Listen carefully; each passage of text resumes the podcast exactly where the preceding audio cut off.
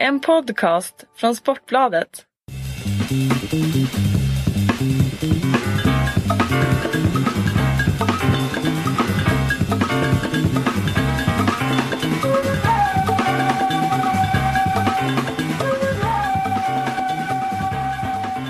Premiär om en vecka när vi sitter här och snart förhoppningsvis lite snö och vinter ute och kanske julpynt för en del men för dig Anna Haag så är det tävlingsstart på säsongen snart, eller hur?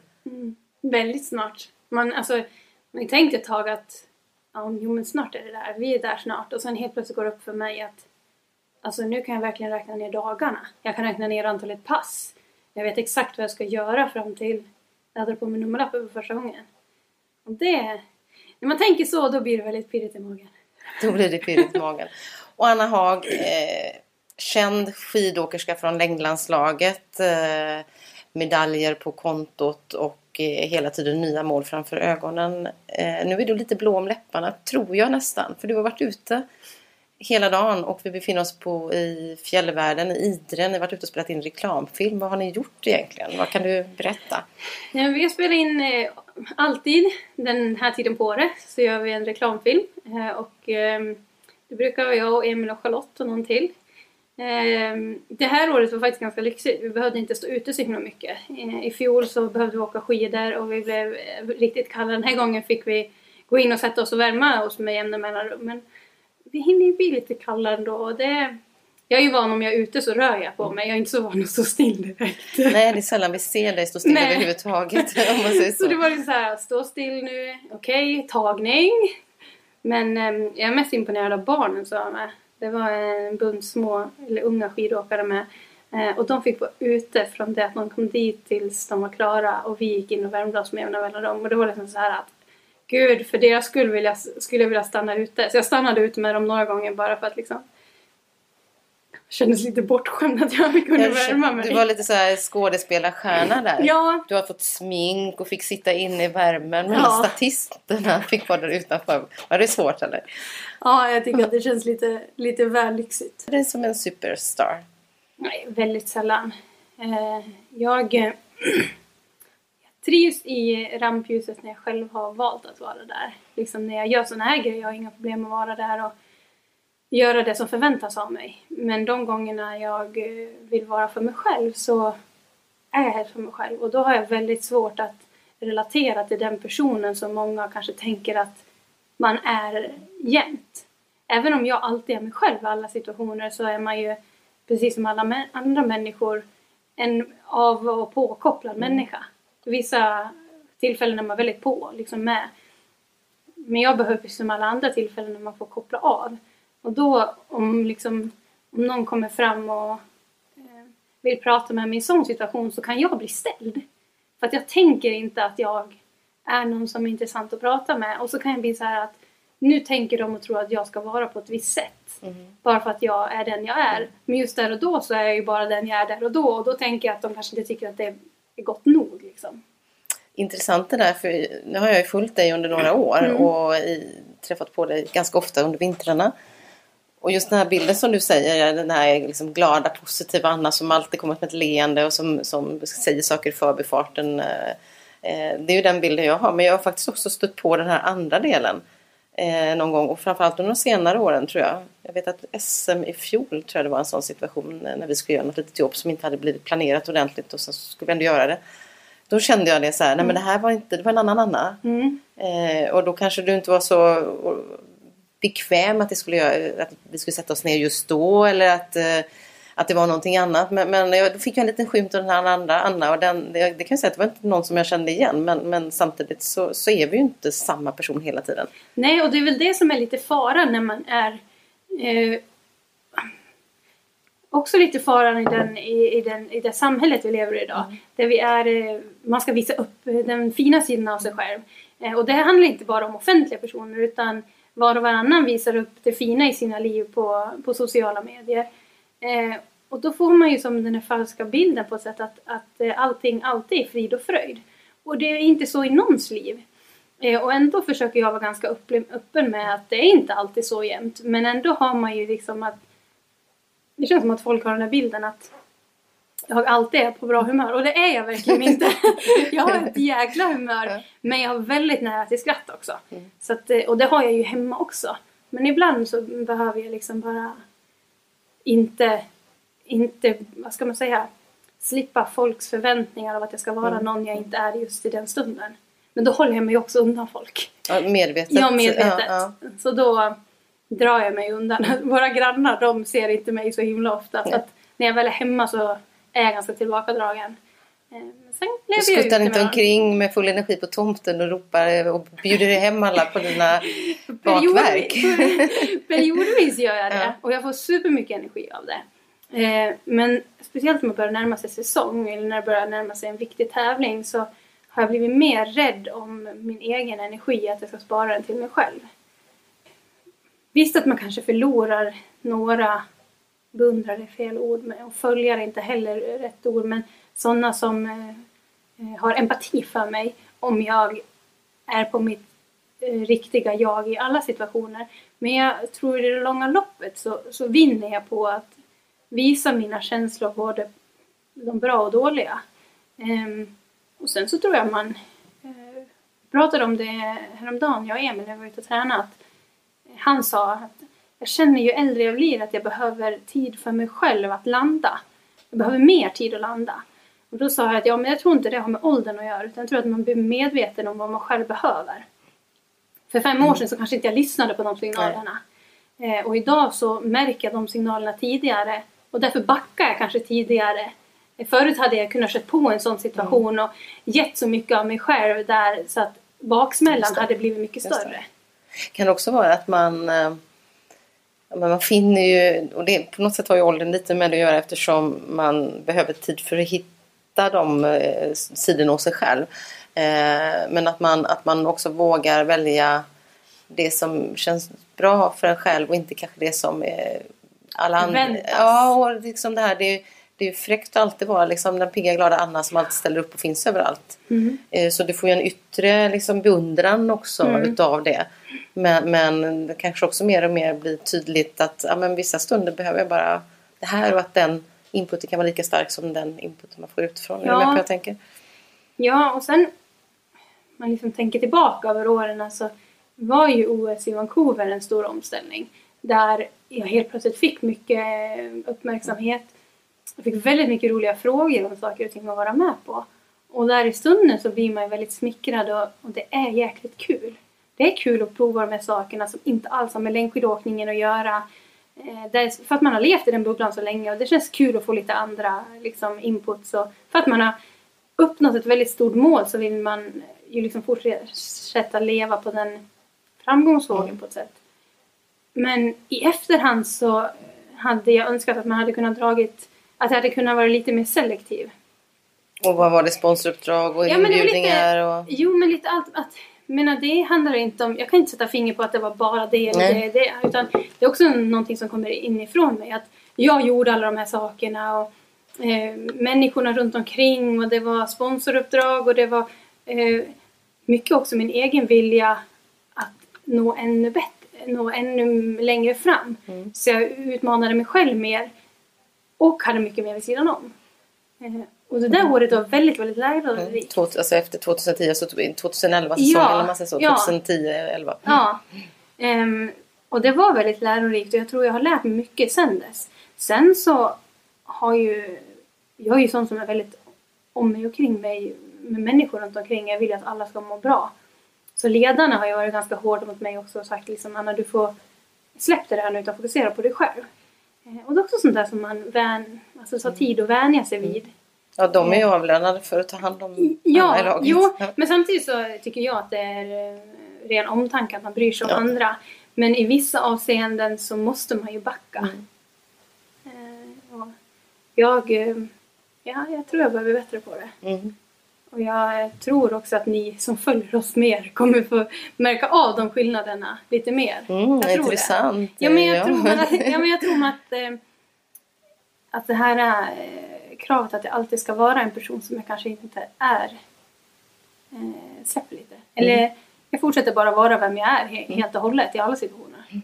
Du, du tog själv oss med tillbaka till Vancouver 2010. Jag kommer så väl ihåg när vi stod på torget där i Whistler på kvällen. Ni hade era de här SOK-mussorna, de här stickade mussorna på er och ditt långa hår som kom fram och under och alltså det bara glittrade. Det blev två silver. Eh, både skiathlon och sen eh, teamsprinten eller stafett, teamstafetten, lagstafetten, vad kallar ni den? Teamsprint. Brukar jag säga. Ja, Ja, Eh, men Charlotte, och det kanske var framförallt den jag kommer ihåg. Den, ni, ni kunde liksom inte stå still. Ni stod verkligen och hoppade. Kommer du ihåg den känslan liksom? Ja, gud alltså. Jag har ju åkt många mästerskap nu börjar man inse. Eh, men det är ju framför allt de känslorna i kroppen i Vancouver som sitter kvar. Ehm, däremot så tycker jag det är lite, lite farligt att, att sträva, för att man vill ju väldigt gärna uppleva den känslan igen. Men jag tror man fäller sig själv väldigt mycket om det är den känslan av lycka jag strävar efter igen eller känslan eh, av upp, uppfyllelse.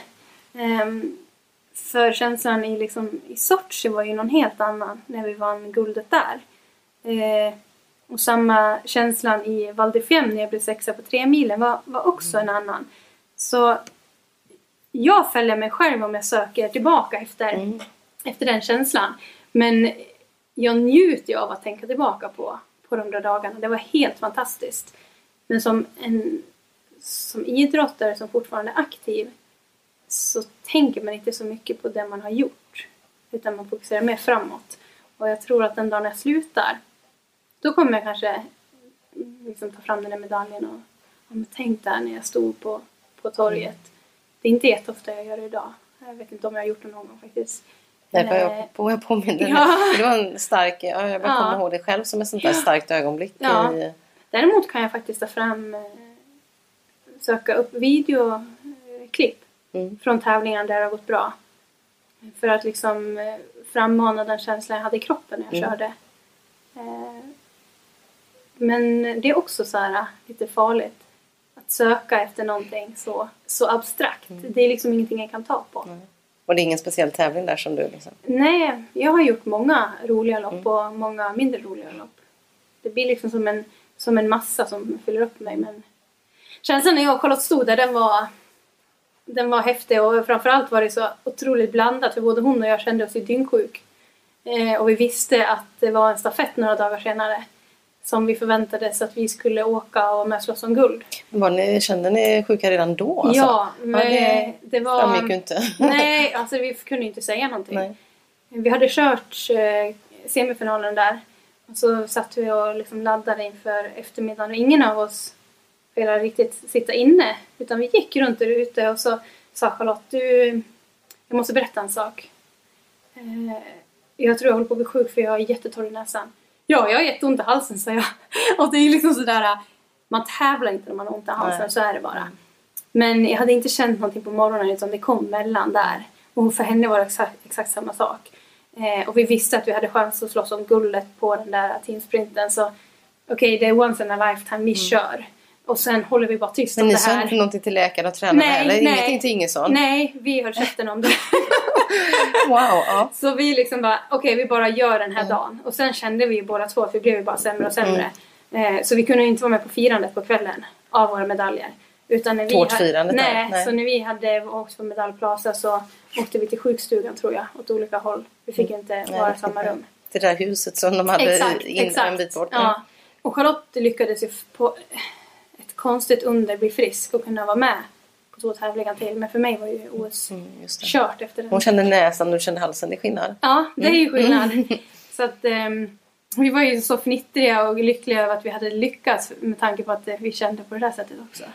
Ja, och det, då blir det ju en extra dimension. Ja, eh, Givetvis att verkligen. man klarar, det, klarar Ja, av det. ja. Det kunde ju lika gärna blivit så att ni liksom bara tappade all kraft. ja absolut. Och sen var vi ju så här, man, man jobbar ju hel, hela sin karriär både innan och efter så man tar inte i när man har ont i halsen, så är det bara. Mm. Så just där och då plockade vi bort allting. Jag vet inte om jag hade gjort det igen. Eh, För det är egentligen mot, eh, ja, det är mot vad man säger Ja. medicinskt och det är mot kroppens Ja, instinkter. Liksom. ja. Mm. Eh, absolut. Men ju, där och då, alltså jag hade liksom inte... Dagen efter hade jag inte kunnat köra någonting för då var jag ju dyngsjuk. Mm. Den dagen var ju bara de här första symptomen. Men ibland sådär tycker jag när kroppen eh, Precis på väg. så nästan som man är Pikar på man. Ja, det är som Ja. om kroppen har Ja. all motståndskraft för att inte det ska bryta ut. Liksom. Exakt, Mm. exakt. Så ja, det var väl det som var då. Bra prickat. Bra prickat. Men sen vet jag inte om det hade kommit, säg om att det skulle vara mitt sista mästerskap. Eh, och jag hade sån, gått in allt för det mästerskapet och egentligen sket i resten av säsongen. Eh, så kanske jag hade vågat chansa. Mm. Men man vill ju ha ett bra liv efter man vill inte ha en hjärtmuskelinflammation. Nej. Men det, så hann du inte tänka då. Nej, och jag tror, inte att, jag tror inte att jag var i risken för det heller. För det var ju så, det var ju så himla... Liksom, det var ju bara den här känslan att jag, jag bara får ont i halsen. Liksom. Så där skidåkarkänslan man får. Om man tittar på säsongerna efter där då så har det ju varit en, som en liten berg och dalbana liksom. Inte så liten heller. Bal- Balder i Göteborg där som jag bor framstår som eh, den enkla varianten. Vi får ta oss till USA för att hitta någon. Nej men lite så verkligen up and downs eh, för din egen del. V- Vad, vad har varit eh, den bästa perioden och, och vad har varit svårast under de här säsongerna efter där? Det är ju en lång tid liksom och svårt kanske att plocka ut men det finns säkert saker som du värderar på ett annat sätt än vad vi har värderat utifrån. Ja, ehm, vissa av säsongerna har jag faktiskt inte så jättemycket positivt att plocka fram ifrån. Eh, det var mest bara slitsamt. Mycket också för att jag kanske ställer för höga krav på mig själv. Ehm, men sen när jag fick ordning på, på mina vader i fjol så har det blivit väldigt mycket roligare att åka igen. Och jag, det har inte varit tråkigt att åka, inte så, men när det gör ont när man skejtar, varje gång du tar i när du skejtar så är det inte riktigt så att man vill ta i. Eh, sen höj, Val di Fiemme, tre milen var ju verkligen en, en höjdpunkt 2013. Eh, sen var tre milen i Sochi eh, också ett, eh, ett bra lopp. Eh, där tror jag så det efterhand att jag hade mer i min kropp än den elfte platsen. Eh, men det var Anna som spelade in liksom. Så jag har ju haft liksom någon sån där ljusglimt varje år egentligen och det som kanske inte alltid har syns medialt. Men i fjol när liksom säsongen drog igång så, så kände jag mig tillbaka. Det var en helt annan person som startade säsongen i fjol. Och även om Bruksvallarna inte var någon liksom, sensation, eh, inte Lillehammer heller, eh, så liksom det där klassiska loppet i Davos, det var ju verkligen, ja, det är så här det ska kännas. Eh, och det var så otroligt skönt att få till det. Eh, jag hade inte ont någonstans, jag kunde bara köra. Det var bara att köra, tekniken funkar. Eh, och det var liksom en lättnad. Eh, sen ett flertal lopp under touren fick jag också tillbaka den där känslan. Även om inte heller kanske resultaten var på topp så var det ändå det som, ja, det här börjar bli någonting. Och sen känslan hade sig fram innan VM. Det är sådär som man bara, wow alltså. Så grymt skön. Och jag var, eh, jag har något filmklipp därifrån när de har filmat när jag har kört intervall. Och det är liksom bara, åh, det är sådär det ska se ut. så sjukt skönt. Eh, och jag har egentligen kört, kört efter samma formtoppning de senaste åren. Och på något sätt så har ju min bästa form alltid varit på mästerskapen. Ja, precis. Så det är ju någonting jag tagit med mig de senaste åren. Visst, det har varit en berg och dalbana upp och ner med tråkiga säsonger, tårar i mål, alltså sådana där bara öh, Som man inte vill komma ihåg, Nej, nej. och som typ mamma säger, men är det verkligen värt det Anna? Ungefär på den, för att det är en mamma som inte vill att man ska bli sur. Eh, men så, eh, på något sätt så, jag har lärt mig hur min kropp funkar. Jag har blivit mer sams med min kropp. Jag vet hur jag gör en formtoppning. Eh, jag missade ett av mina absolut största mål i karriären i VM i Falun. Men jag står fortfarande här. Jag tycker fortfarande skidåkningen är lika rolig. Eh, det går att missa ett mästerskap och fortfarande f- fallerar inte världen. Liksom. Nej, det fortsätter livet. Ja, det fortsätter livet. Och menar alla runt omkring mig mår bra. Jag mår bra. Så att ehm, jag tror jag blivit lite mer ödmjuk inför, inför sporten. Jag är väldigt tacksam över att ha haft en jäkla berg och dalbana. Mm. Man lär sig mycket. eh, Man lär sig väldigt mycket. Och det är, sällan en, det är sällan en karriär är rak. Ja, extremt sällan. Ja. Sen kan du ha liksom ett par år på raken där det går bra. Eh, och sen så blir det någon dipp. Men för mig har ju inte motgångar gjort att jag någon gång tvivlat på om jag ska hålla på. För att jag Nej, har alltid haft ju göra, motgångar. ja. Ja. Mm. Det är Fast liksom, var det också så att, jag menar, just OS där så två silvermedaljer så det, det liksom satte ju ribban rätt högt liksom. Bara, ja, en käftsmäll. ja, nej men eh, Ja. så. Och sen på något sätt, ja men då förväntar man sig ofta, tror jag utifrån, ja men nu kommer nästa steg. Och det, eller nu kommer Jo men det gjorde även jag. Ja, mm. Och det var lite det jag menar vad som var min fälla. Jag väntade mig nästa steg, jag pressade mig lite hårdare. Mm. Samtidigt så la jag in 100% mer runt omkring. Inte. Eh, och det är liksom som... Det har vi nog pratat om någon Mm. gång förut. Att man, man skulle önskat att det fanns lite mer eh, guidning Mm. efter framgång. Mm. Vad händer liksom? Och där har ju inte, jag höll på att säga, skidförbundet borde ju egentligen ha den erfarenheten för, för ni flera. Jag menar Charlotte slog också igenom med dunderbraket på touren. Hon har också samma erfarenhet. Men där finns fortfarande liksom ingen sån här mentor direkt utan det är väldigt individuellt om man har en tränare som är bra på det eller om man har Mm. Ja, eller agent eller ni. Ja. Alltså som för, för mig och Charlotte så tror jag att vi har haft varandra som har varit Mm. ganska bra. Man kan ha bollat grejer. Eh, Och det har varit väldigt tacksamt. Eh, Men ja, det är inte alltid lätt, och jättelätt och det tror jag oavsett vilken sport man slår igenom. Även i det alpina liksom. Eller du ska friidrott. jobba med när du blir äldre. Ja, precis. Coach, framgångscoach. Ja, men lite sådär att, att landa i sig själv. Att få någon som ställer rätt frågor så att man själv kan eh, ha svar på, på saker. Är det här rätt väg att gå för mig? Tänker du på det när en sån som Stina Nilsson nu har liksom slagit igenom på stort? Mm. Liksom tittat lite och undrar hur, han, hur, hur funkar det här? Inte, inte kontrollerande Nej. utan med hjärtat eh, så. Jo, och det är väl lite där också som de har bett mig ledarna att slappna av lite. Ja. Att inte lägga mig för mycket. Men sen Stina är ju unik på det sättet att hon, hon är väldigt, väldigt duktig på att skärma av. Och väldigt duktig på att göra det hon tror på. mm.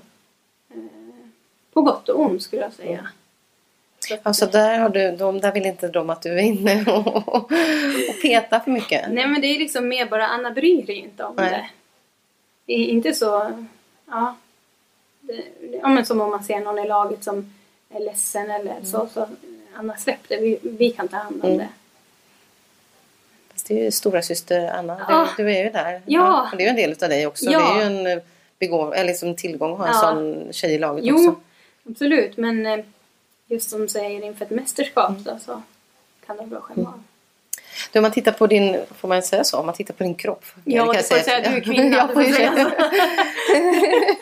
ja, det är det som är så skönt. Jo, men jag tycker ofta, eller jag har en väldigt eh, avslappnad relation till att prata om kroppar med idrottstjejer. Men många tycker att det är lite tabu kanske och sådär. Men Mm. Ja. jag, jag tycker inte det. Jag tycker det tillhör. Ja. Eh, och om man tittar då på din kropp Mm. så känns det också som att den har förändrats eh, en del liksom om man tänker 2010 ganska lätt liksom och ung och då är man, har man inte lika mycket muskler till att bli mer musklad eh, och sen på något sätt hitta tillbaka i en, i en balanserad form. Jag vet inte om, om du delar min uppfattning där men kan du Jo. berätta lite om din liksom, fysiska kroppsliga resa där? Men du, eh, du satte, vad säger man, slog huvudet på spiken. Ja. Ehm, framförallt så slog jag igenom som ganska ung. Mm. Eh, och jag var ganska sen i puberteten. Så att jag hade liksom fortfarande min, min ungdomskropp Mm. eh, första året. Eh, började träna väldigt mycket så liksom man säger det mesta rann av mig. Mm. Men då rann också muskler av. Eh, jag tror OS i Vancouver så var jag precis på gränsen att eh, mindre muskler än vad jag hade där så hade det inte gått fort nog. Hade jag haft lite mer muskler där kanske det hade gått lite fortare. Ehm, och sen ham- hamnade jag i den onda spiralen att, att liksom tappa ännu mer muskler, bli ännu tunnare inför VM i Val. Och det var någonstans där jag tror den här onda spiralen satte igång. Eh, för jag var inte stark nog.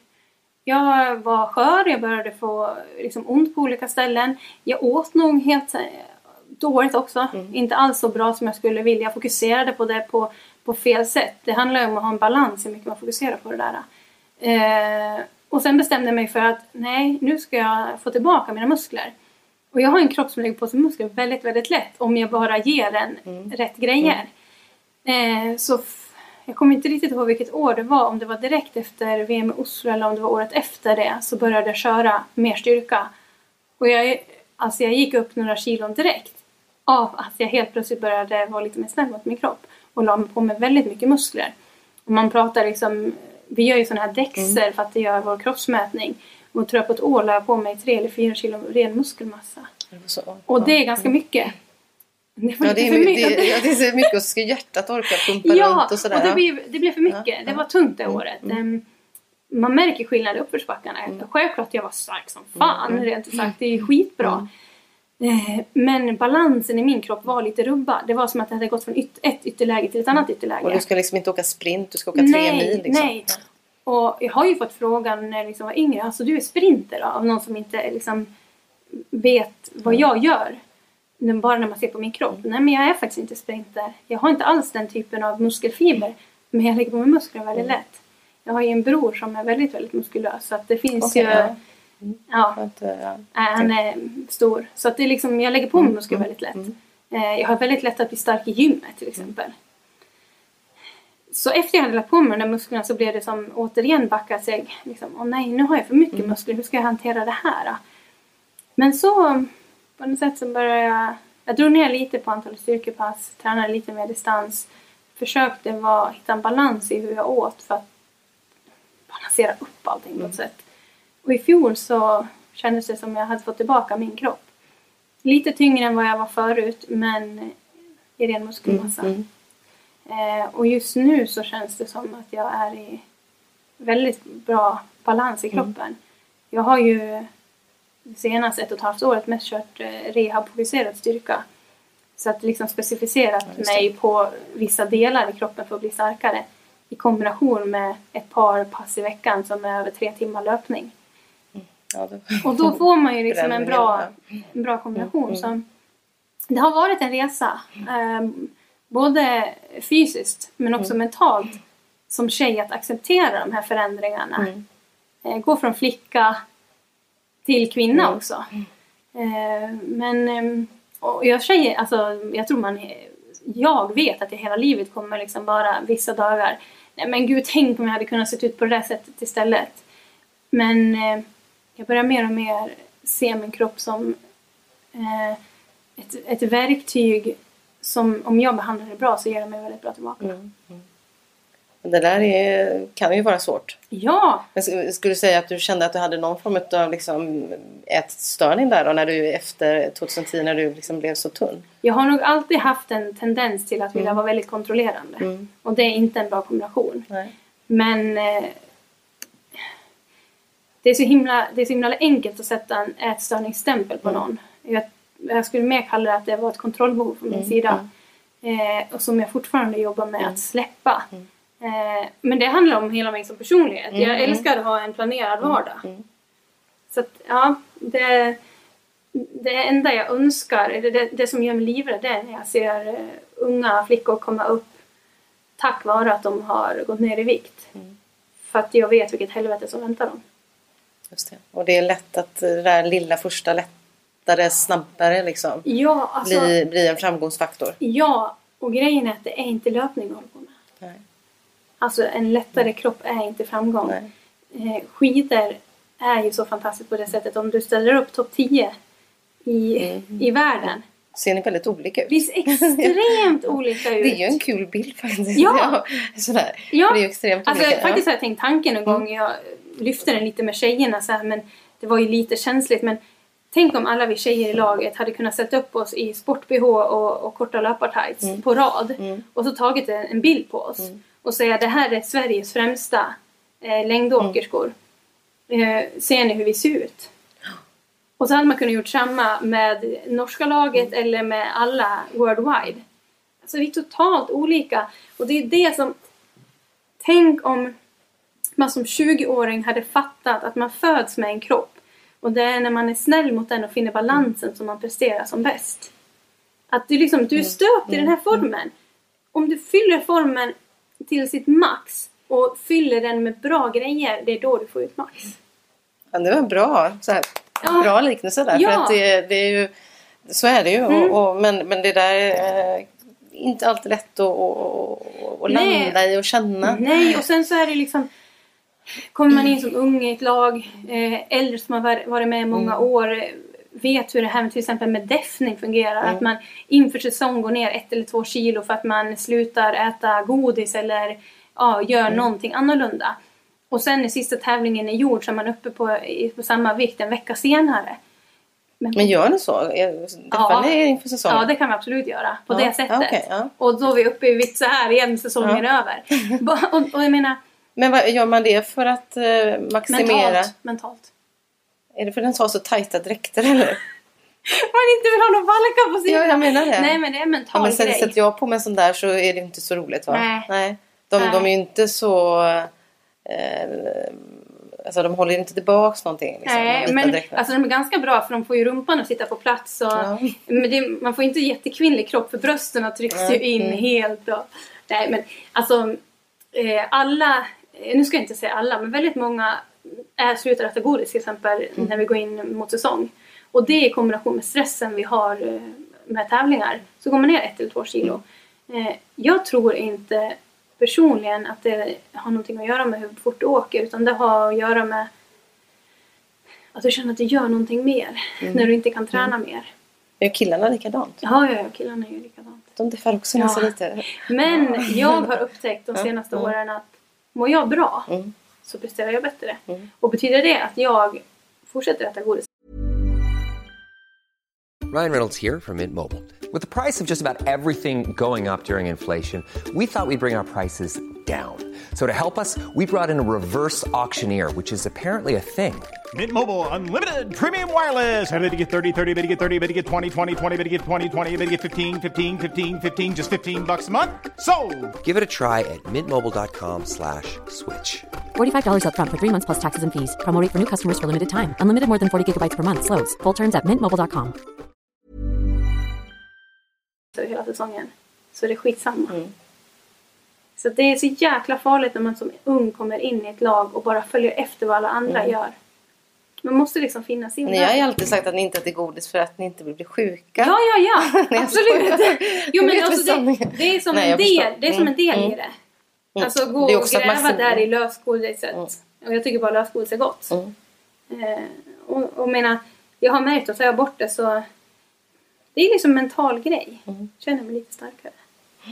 Sen kanske man äter mycket mer av något annat istället. Så Ja. summa summarum blir det Mm. densamma. Men man är ju verkligen ute på tunn is om man bara relaterar till en vikt.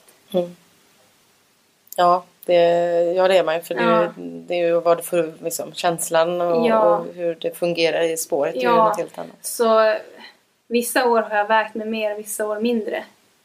Det är som, Hur gör du nu då? ja nu har jag inte vägt mig på länge. Nej. Nu får det vara som det är. Ja.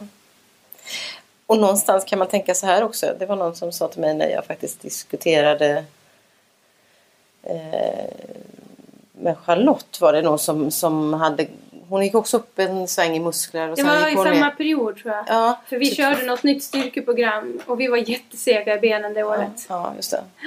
Och sen hon kom in tillbaks efter, jag tror att det var inför förra, alltså Ja. inför 2014, 2013 på Ja. hösten där. Så såg man på henne att hon hade Mm. gått ner. och då, Men då var det någon som var klok i hennes där som sa att kanske all, just när hon tog eh, OS-gulden sen. Ja. Att eh, hon, kan, hon kanske inte hade kommit hit om hon inte först hade lagt på sig de här musklerna. Exakt. Att det kanske är en, så att man måste också bygga dem och sen så liksom skalar man av och, och Mm. Det är så det har någon funkar. slags grundstyrka med sig. Så att, eh, Jo men det är så det funkar. Och problemet är att är du för lätt eh, så bygger du inga muskler. Bygger du inga muskler så utvecklar du inte kroppen. nej. Så du får ingen utveckling. Och titta på en sån som Marit Björgen. Hon har ju också haft sina år där det gått Ja. upp och ner innan hon landade Och sen jag tror, ja exakt. Och sen så ser vi olika ut beroende år till år hur träningen har sett ut också. Nu när vi pratar om mat så vet vi ju också från din hemsida att du gillar ju både att laga mat och Ja. du gillar att baka. Ja, Och du dricker gärna sojalatte Ja. och tar dina stunder. Så du har ju också en sån här liksom, stort intresse för, eh, Ja. för kost. och jag en period där så var maten mer bara en, en sak för min, för min träning. Utan jag åt bara av den anledningen. Och det mådde inte jag alls bra av. Utan det blev en jäkla press och krav på att det skulle vara så jäkla perfekt allting. Eh, nu äter jag för att det är gott. Och då, alltså jag, jag satte som mål av att jag skulle njuta av, av måltiderna. Ja, och det Äta- gör jag. Och känna vad man äter. Ja, och inte bara kasta i sig Nej. maten och inte äta för långsamt för att man ska eh, äta mindre. Utan ja, jag, jag är en livsnjutare.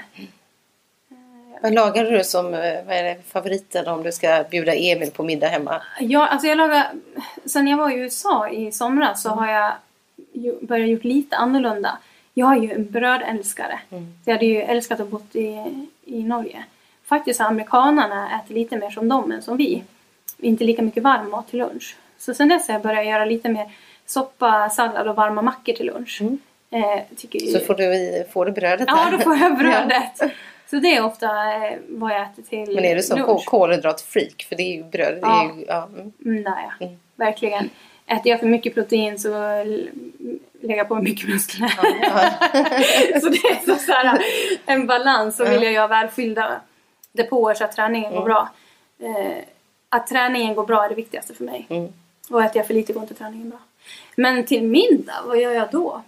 Ja, jag brukar... mm, Det är ju väldigt mycket för italiensk eh, mat överlag.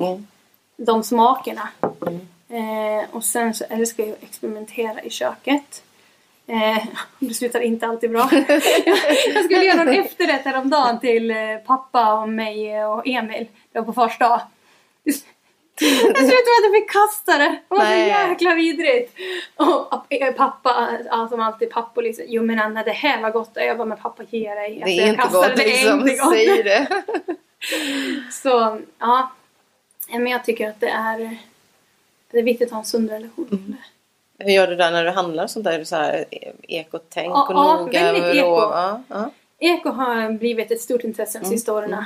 Ehm, eh, och sen eh, så har jag insett hur jäkla mycket socker det är i saker och ting. Eh, så det försöker jag hellre använda naturligt. På naturligt sätt än man kan. Jag tror, alltså, Det, är, det är rätt svårt. Håller på så här. Ja, och jag blir så jäkla lätt beroende av socker om jag äter det för ofta. Att jag ständigt har ett sockersug. Och jag hatar när någonting annat liksom har kontrollen över mig. Det gillar är jag inte. Nej. Så du gillar inte när sockret tog kontrollen över, över dig? Nej, men alltså, sen har jag ju märkt också. Eh, jag har ju alltid sporttryck på passen. Mm. Jag äter alltid återhämtningsmål. Och sköter jag det där väldigt bra så får jag inte samma sug heller. Men inte sportsutt då? Eller det Ja, men det är ju, den är ju den är inte söt på samma sätt. Nej, det gäller att få rätt sportdryck förstås. Ja, ja jag är inte så brydd på det. Nej. Bara jag får energi under tiden jag tränar. Så är jag nöjd. Du, om man tittar då, eh, när vi ändå är inne på det på, på, på eh, matlagning som är ett litet visst så, så undrar jag ju också lite grann över det här med korsord och sånt där och, och eh, lyssna på P4 musik. Liksom, var det någon dans, nej inte dansband kanske inte var men eh, eh, så. Och Stina tror jag också håller på med korsord. Vad är det med korsord och ser skidåkare? Jag tror det är att vi får tänka på någonting annat. Mm, Det blir lite hjärngymnastik. Det vi gör är ju väldigt fysiskt. Eh, Och ganska monotont. ja, mm, på sitt sätt. Även om man får ofta låta tankarna flöda fritt så är det ju... Det blir ju lite meditation även de lugna passerna. Men ibland behöver man bara koppla bort och man kanske inte har ro att sätta sig och titta på en film eller sätta sig och läsa en bok. Eh, då är korsord väldigt bra tidsfördriv. Du låter annars lite så här Ja, pensionärstidsfördriv. ja, ja, men, men vi, alltså, vi brukar ju sitta tillsammans och lösa korsord när vi är ute. Ja, ni gör det. Mm. Ja. Så, och jag, varken jag eller Stina eller Charlotte är unika i det. Alla har alltid en korsordstidning med sig. Eh, det bästa är när vi har olika med oss, men det händer att vi har samma med oss. Den, ni lägger upp på bordet. Nej! Ah, nej. Och den till Du, Valsenales vad, med var samma. det, vad var det där ordet nu igen? Du, du jobbade med det igår va? Ja, ja, så det är så det ser ut. Mm. Men ni spelar inte kort och sånt där? Nej. Inte så mycket. Eh, jag är inte så mycket för kortspel. Eh, kan ha att göra med att jag är dålig förlorare. Mm. Och det, det lär vi inte vara ensamma laget. Nej, definitivt inte ensam om. Definitivt inte. Du, om vi tittar, kopplar jag också till, till eh, ditt engagemang ska man säga på, på sociala medier. Eh, så är ju du flitig. Eh, det var ett laddat ord. Du, det är ofta där, så kan man säga då. Eh, vad, vad betyder det för dig att ha den kanalen liksom, till dina supportrar? Men det var som Emil brukar säga att han önskar ju själv när han var barn att tänk om man hade kunnat fått kontakt med Wassberg liksom. Vad häftigt det hade varit. Eller Gunde eller Mogen, vem som helst. Att man, man hade kunnat känt att åh, han sa det här. Eller att man, man hade lite mer personlig relation. Så känns det som att man ger tillbaka lite mer till sporten. Sen eh, är det ju på något sätt vår egen kanal där jag har 100% full makt. att kunna sprida de budskapen jag vill. Att ge min syn på saker och ting. Sen eh, tycker jag om att få jobba kreativt emellanåt. Att få liksom... Skidåkningen är inte så himla kreativ. Så det är ganska skönt liksom som om jag har vilodag att gå ut och ta ett fint kort och så bara, ja ah, men den här passar faktiskt att lägga ut på Instagram idag. Eh, jag vill på något sätt inspirera till en eh, feel good också, ett laddat ord. Det är liksom sådär lite uh, kl- klyschigt att säga. Men jag följer ju bloggar och Instagram-konton för att de har just en feel good feeling. Och jag tror det är viktigt, eller jag känner att det är viktigt att visa för, för folket att, att även om jag är elit så är jag absolut ingen robot. Eh, Jag har också ett liv och jag kan också dela med mig av feel good. Och jag kan också inspirera till att det kanske inte är 100% som gäller alla situationer utan man faktiskt kan ta det lugnt emellanåt också. Att jag, jag har en, en slags makt i det där att faktiskt påverka. Är skrivandet också en terapi för dig själv? Ja, absolut. Mm, mm. En väldigt ventilationskanal. Eh, och det är... Eh, det har alltid varit viktigt för mig att skriva mycket. Mm. Sen så kan jag bli så här, har jag, har jag upptäckt de senaste åren att jag blivit mer försiktig hur jag uttrycker mig på, på bloggen därför att det är väldigt lätt för, för media att plocka, liksom, ta en mening ur sitt sammanhang och göra en alldeles för stor grej om det som egentligen inte har med saken att göra. Och jag känner själv ibland om jag går in på, på, på en nyhetssida så läser jag ofta bara rubriker. Det är inte jätteofta jag går in och, och läser texten. Och det har gjort att jag har backat lite. Men det är också någonting som gör mig lite frustrerad för att jag vill ju kunna säga Fy fan vad spylös jag var på den här jävla skiten idag. Alltså nu kommer mamma verkligen s- bli less att jag svär så. Men, alltså, alltså, men ibland så känner man ju verkligen Ja, så ja, med en sån grej. Och då är det viktigt för mig att inte bli den här personen som gnäller och klagar hela tiden. För det är inte jag. Men det är väldigt lätt att, för media att styra en person åt något håll som man nu vill. Speciellt när jag inte har lyckats så som jag vill de sista åren.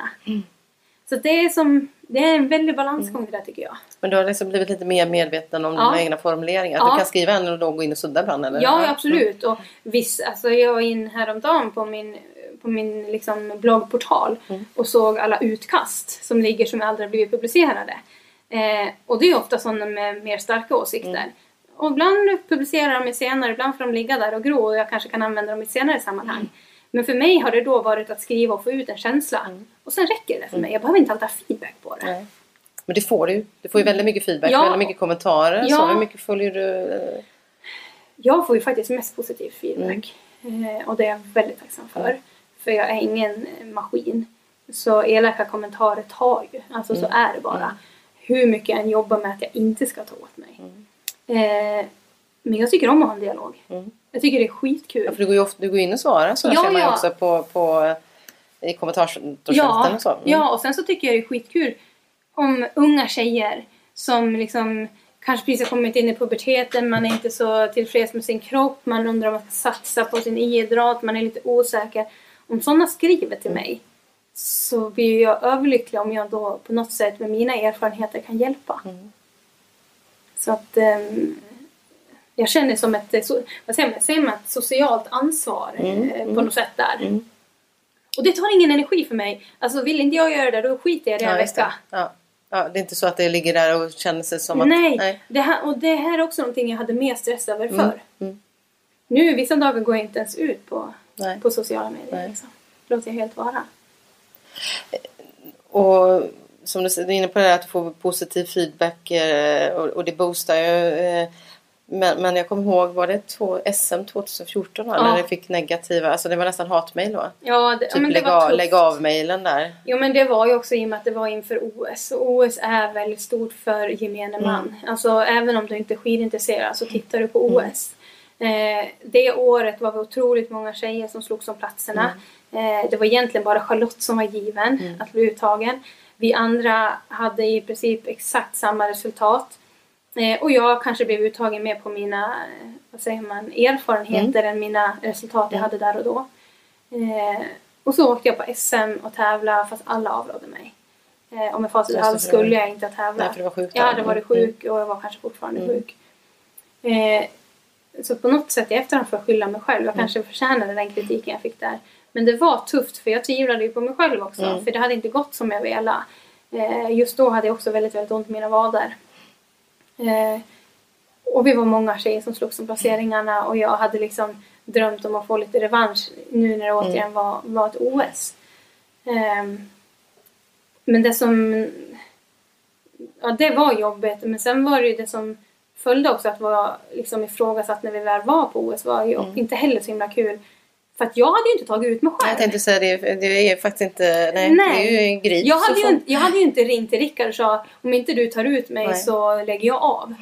Utan jag hade haft en ganska öppen dialog med, både, med, min, med framförallt med min egen tränare. Att, menar inte jag bra nog har inte jag någonting där att göra. Mm. Men jag visste ju att, i och med att hur jag skulle göra en formtopp för att komma i någorlunda form. Och jag kom i någorlunda form. Inför det där. Men de här människorna som hör av sig, så, som hörde av sig direkt på mail. Mm. Liksom, vad- alltså, hur, hur ser du på deras rätt att, att göra så? Liksom? Ja, men eh, det har jag, jag också lärt mig på något sätt att ju större jag blir, desto fler människor berör jag. Mm. Och desto fler människor berör jag också på ett negativt sätt. Om jag får ett argt mail så är det att jag har upprört någon och då berör jag ju. Mm. Så då Så får man då väl se det på det sättet. Eh, Och sen så har jag ju alltid stödet i att Emil kolla vad den här skrev. Och då kan han komma. Ja fy fan vad kul Anna! Tänk vad du har berört den här människan. Att den har orkat sätta sig och skriva det här mejlet. Ja det har jag faktiskt sett. Ja. Du sa därefter också OS-guldet då i stafetten. Mm. Eh, där, ni, där, där det, det var diskussioner innan just om, om eh, din tredje sträcka. Eh, om du skulle åka den eller inte åka den. Att du först kände att du inte förtjänade det. Men, men du vände ändå den känslan sen va? Ja, det var verkligen med blandade känslor för jag, är inte, jag var ju inte nöjd med min insats. Eh, jag gjorde vad jag kunde för dagen, absolut. Och jag åkte klokt, jag gick inte in i väggen. Men jag åkte inte så fort som jag hade kunnat gjort. Som jag hade möjlighet att göra. Eh, men sen på tre milen så var jag mycket, mycket piggare och jag insåg där och då när jag åkte att jag förtjänade faktiskt att åka den där den där äh, stafettsträckan för jag var i så pass bra slagen då. Ja precis. Men ändå så här, äh, sitter ju fortfarande och tänker på att tänk vad mycket roligare det hade varit att vara pigg den där dagen. Ehm, och så kommer det alltid vara. Man är ju en sån tävlingsmänniska att man vill ju vara på topp, på tå. Tänk om jag hade kunnat gjort ett ryck så som jag gjorde i Val Fiemme liksom. Eh, I och för sig var det det enda positiva med den stafetten för den, den dagen var jag helt Ja, slut också. mm. Ehm, men det är ju så skört. Jag menar jag kan ha en dålig dagsform när jag tränar och ingen bryr sig. Och så har man en dålig dagsform uppe på höjd på ett OS. Eh, jag gör ju alltid mitt bästa. Eh, och jag eh, vill ju ändå tro på något sätt att, att jag eh, förtjänade den platsen jag hade där och då den dagen. Det gjorde du, ni vann ju guld. Ja, vi gjorde Ja, ju det. ja, vi gjorde ju ja. det. Absolut. Och eh, även om vi inte hade vunnit guld så hade vi tagit medalj och det är Mm. det bästa Sverige Mm. gjort på många år. Ja precis, men jag förstår det. Mm. det, det. Man har ju olika perspektiv och olika upplevelser utav olika även framgångar. Då. Mm. Eh, och får du framgångar i vinter så blir det prispengar till flyktingar. Mm. Du och Emil har Barn på flykt. Mm. Barn på flykt. Ja, berätta, för du och Emil har bestämt att skänka 10% Ja. över prispengar. Precis. Det var... mm, det- Jag ska inte ta någon cred överhuvudtaget på det där för det var faktiskt Emils idé. Han som ringde och sa... Det var just i början av allt det där. Eh, vi var på olika håll och så bara du Anna vad tror du om att vi skulle skänka, skänka en slant till, till de här barnen som, som flyr? Ja, varför inte sa jag. Liksom, självklart när han kommer upp med en sån bra idé. Och sen så tog det några dagar. Eh, Vi skulle fundera liksom hur vi skulle gå tillväga och, och vad vi skulle göra. Eh, Men sen är det liksom, men det är klart att vi skänker en del av våra prispengar för då ger vi oss själva en till morot att åka bättre. Mm. S- Ja, så då, då var det väldigt självklart. Så det, det, känns, eh, det känns bra. Sen känner jag bara nu att vi måste komma på vart vi kan skänka de peng- pengarna så att de ger mest hjälp. Mm. Ehm, Vilken hjälporganisation. Ja, eller och, och hur, man, hur man kan använda pengarna. För det finns, ju, det finns ju mycket man kan göra. Mm. Vad ska vi hjälpa de som flyr eller de som har kommit till Sverige? Mm. Ska vi hjälpa de ensamkommande eller de som har kommit med familj? Ska vi hjälpa dem? Alltså det finns ju hur mycket som helst. Men Men ni Eh, hjälper ju. Jag menar, ja, precis. en- På något sätt mm. ska vi ju göra det. Det Jag tror du skrev där också att bilden på Den pojken. pojken Allan, ja. ja. eh, berörde dig självklart som alla andra. Liksom. Men, men eh, var det, en, var det en, liksom, ett uppvaknande för dig Ja, som, som för det, många andra? Ja, jag tror det. Speciellt när man kan relatera till en, en eh, Emils systerson som är i samma ålder. Mm. Liksom, vad de får gå igenom så blir det som det blir mycket, mycket mer verkligt. Mm. Eh, och, och ett, vad ska man säga, ett, ett, ett vad ska man kalla det, bevis, men ett, eh, en del av dig som jag har den här hjälpsamma sidan eh, kan man också se genom att ni vill hjälpa eh, Sebastian Modin som, Mm. som är längdåkare men, men handikappad längdåkare, synskadad va? Mm. Ja, Eh, tog brons tror jag va? OS. ja, han har tagit flera medaljer. Mm. Den borde jag, jag, skrev, jag läste ju hela hans CV här för några veckor sedan så borde jag ha koll. Men det är en hel del medaljer han var han framgångsrik i. Sochi Ja. efter, efter, Och därefter. Vancouver också. Och Vancouver också. Mm. Och då var han ju den yngsta deltagaren. Han var bara 16 år då tror jag. Men eh, ni har lärt känna varandra lite grann eller? Ja, ehm, han bor i Östersund, han kommer från Mm. Östersund. Eh, och hans mamma och jag har haft lite samarbete sedan 2010 Mm. via en, en klädbutik. Som jag, det är liksom mitt sidoprojekt, jag tycker det är skitkul. Eh, och då har jag träffat Sebben i olika sammanhang. Eh, och sen eh, när jag fick reda på han inte längre hade någon, någon guide så kände jag liksom, för då träffade jag Sebben också och pratade med honom. Och han berättade hur han hade tränat på sommaren eh, och vi insåg att vi har tränat i princip likadant. Och han ska liksom sätta sig och vänta på att en guide. För att han ska kunna fortsätta satsa. Och jag kan bara fortsätta köra. Mm. Så kände jag, men gud jag måste verkligen, jag måste se vad jag kan göra för att hjälpa till. Eh, så jag vet inte hur det har gått nu men han, jag vet att de har haft en del intervjuer för att finna någon. Och hans största mål är ju mot eh, OS 2018. Så han har ju liksom, han känner inte stressen nu inför säsongen så akut. Men däremot så vill han ju komma igång för den satsningen. Just Eh, så han har faktiskt varit hemma hos oss och tränat ett par gånger Mm. i vårt hemmagym. Eh, det är lite säker miljö att vara i. Ja. Men du, vad, ger det också lite perspektiv? Liksom, för han har ju en eh, kanske lite svårare att utföra sin idrott än vad du har. Ja, men gud. Mm. Och jag, jag, eh, jag tror också det har att göra med att man blir äldre. Man, man blir väldigt tacksam för att man kan göra det man, man vill Mm. göra. Och göra det på, på det sättet man vill göra det. Eh, så jo, jag blir tacksam. Mm. Det är klart jag blir det. Vad är det som gör dig berörd Anna? Vad, vad, vad liksom om, vardagen eller i... Nej, Men jag, orättvisor är bland det värsta jag vet. Och det är ju orättvisor i alla sammanhang. Eh, jag är inte en liksom, renodlad feminist, inte överhuvudtaget. Men jag förstår inte varför saker och ting inte ska vara jämställda om man säger på det sättet. Då. Eh, men sen handlar det inte om jämställdhet till liksom på liv och död. Jag menar, gör du ett bra jobb oavsett om du är man eller kvinna så är det klart att du ska bli liksom, uppskattad för det. Eh, mobbing, är sånt som jag liksom bara... Barn kan vara så fruktansvärt elaka. Och det är sånt där som verkligen berör mig. Och jag skulle liksom vilja gå in och, och förändra. Ehm, men eh, sen är det ju sånt där man... Jag vill ju inte skapa för stora rubriker eller debatter om saker under, under brinnande säsong för det tar för mycket energi. Så i vissa avseenden får man bita sig i tungan och hålla sina åsikter för sig själv. Men det är just orättvisor som jag kan bli heligt jäkla förbannad på. Ehm, och jag accepterar inte det. Och det har jag verkligen fått av min mor. Ja. Hon är verkligen ja. sån, liksom i skolan om det var någonting som, Och lärare? Nej. nej, bibliotekarie. No. Så är kanske så här- höra ännu mer då? Ja, men som Eller se? om jag berättade att det hade pågått någonting hemma så ringde hon ju direkt. Och det behövde inte handla om mig. Det kunde handla om vem som helst liksom. Väldigt, väldigt omtä- omtänksam och, och så. Eh, så nej, jag kallar mig inte själv feminist. Men jag eh, ogillar orättvisor. Vad gör det arg då? Ja, det kanske är ungefär samma sak. Ja, orättvisor gör mig Mm. förbannad också. Det är klart det. eh, men sen kan jag bli arg på sånt. Jag går in i saker rätt ofta. Jag är lite fumlig. Och det kan Mm. Alltså jag du bli... går in, alltså, bok, alltså Ja, jag har blå, alltid blåmärken. ja. okej. Eh, och, och, det är sådana skitgrejer som jag har av min pappa. Att jag kan komma en jäkla harang för att jag smäller i min tå i någonting eller sådär. Så det kan jag, men det brinner jag över ganska fort ja. Sen blir jag på väldigt dåligt humör om jag är hungrig eller trött. Mm. Men oftast är jag på bra humör. ja, precis. Vad gör det andra gladast då? Nej men eh, alltså... jag sa till Emil häromdagen när vi skulle ut och springa på fjället eh, och det var så här, solen var precis på väg upp. Det var vitt över fjället eh, men just där nere i byn så var det, eller i stugbyn så var det så riktiga höstfärger och så, vet, så här låg sol och så sa jag till Emil, Emil nu känner jag ju bara lyckan ligger och gror i magen. Och så kände jag när jag sa det, men gud vilken floskel det där var. Men det var verkligen exakt så jag kände. Så eh, jag blir väldigt glad av att träna. Jag blir glad eh, av att göra äventyr. Jag blir glad av att vara med människor jag eh, tycker om. Och jag blir glad av att se fram emot saker i framtiden.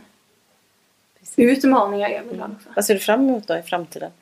Ja men, eh, alltså nu ser jag väldigt mycket fram emot tävlingarna. Mm, ja, det och det gör De ligger nära till hands. Ja, men, Världscupen är inte långt bort. nej, absolut inte.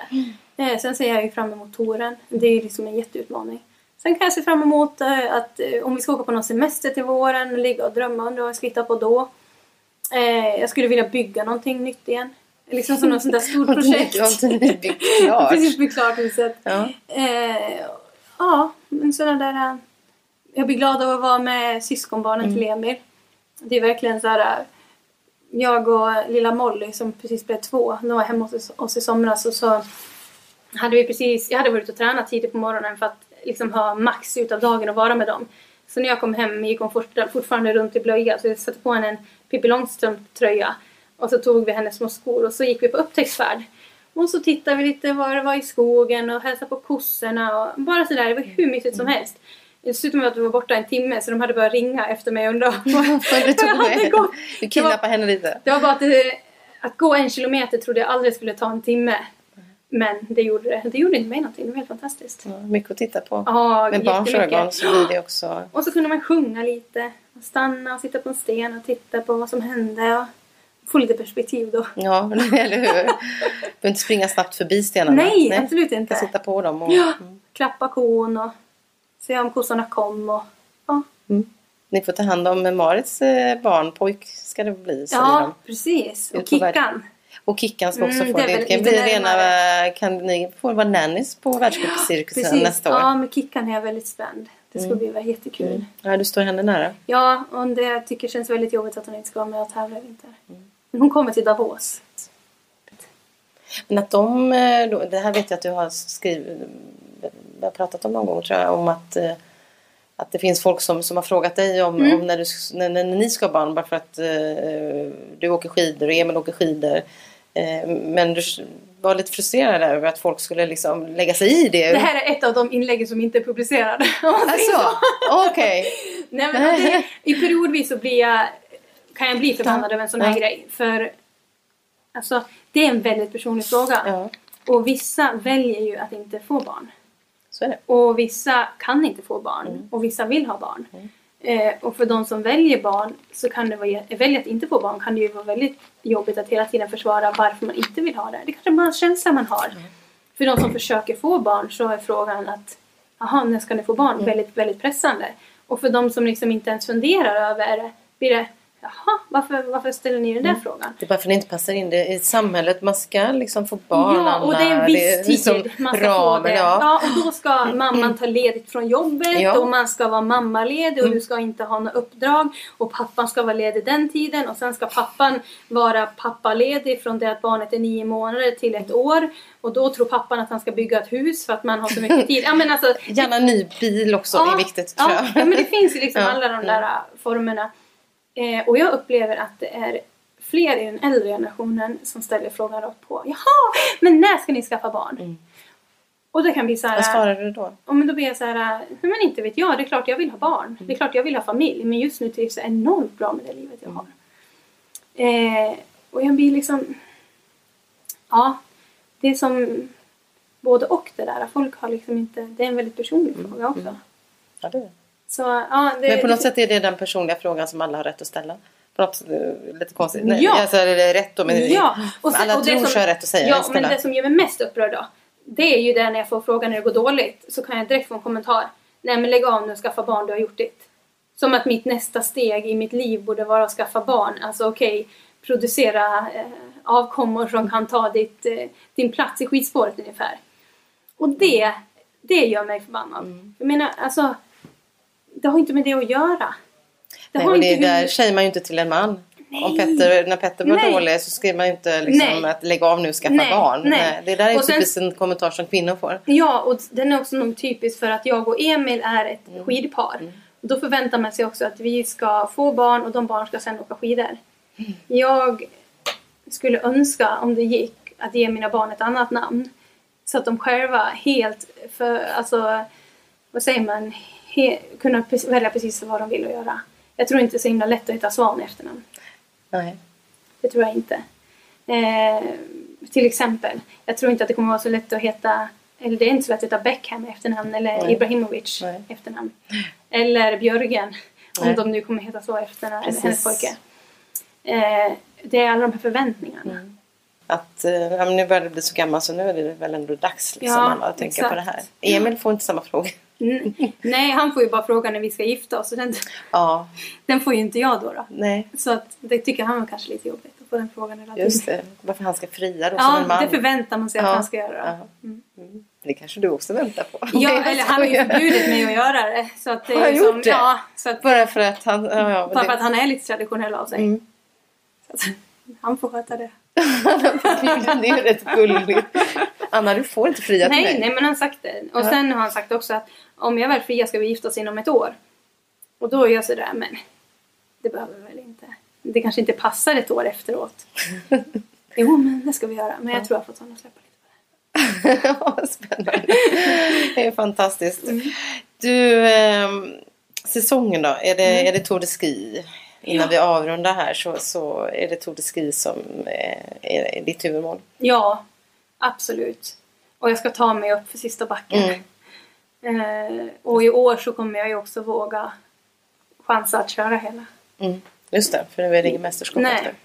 Du har brutit ibland för dina luftrör Ja. tar, stryk när Ja. du kör så mycket tävlingar på, på kort Precis, tid. och det är väl, jag har väl funderat lite över hur jag ska göra med Kusamo i år. För, först och främst lär jag väl bli uttagen men Mm. blir jag uttagen så är jag inte helt säker att jag kommer åka i Kusamo. Det är för att det är en minitour och för att det är stor risk att det är väldigt kallt. Ja, och där är det också många som har liksom haft problem. Jag ser de här bilderna när jag Mm. åkt med, med eh, Med mask och allting. precis. Och sen i och med att mina val i alla fall har varit mästerskap i februari, nu blir det december, januari. Så att menar, blir man sjuk efter Kusamo så är det väldigt svårt att hinna bra form till touren.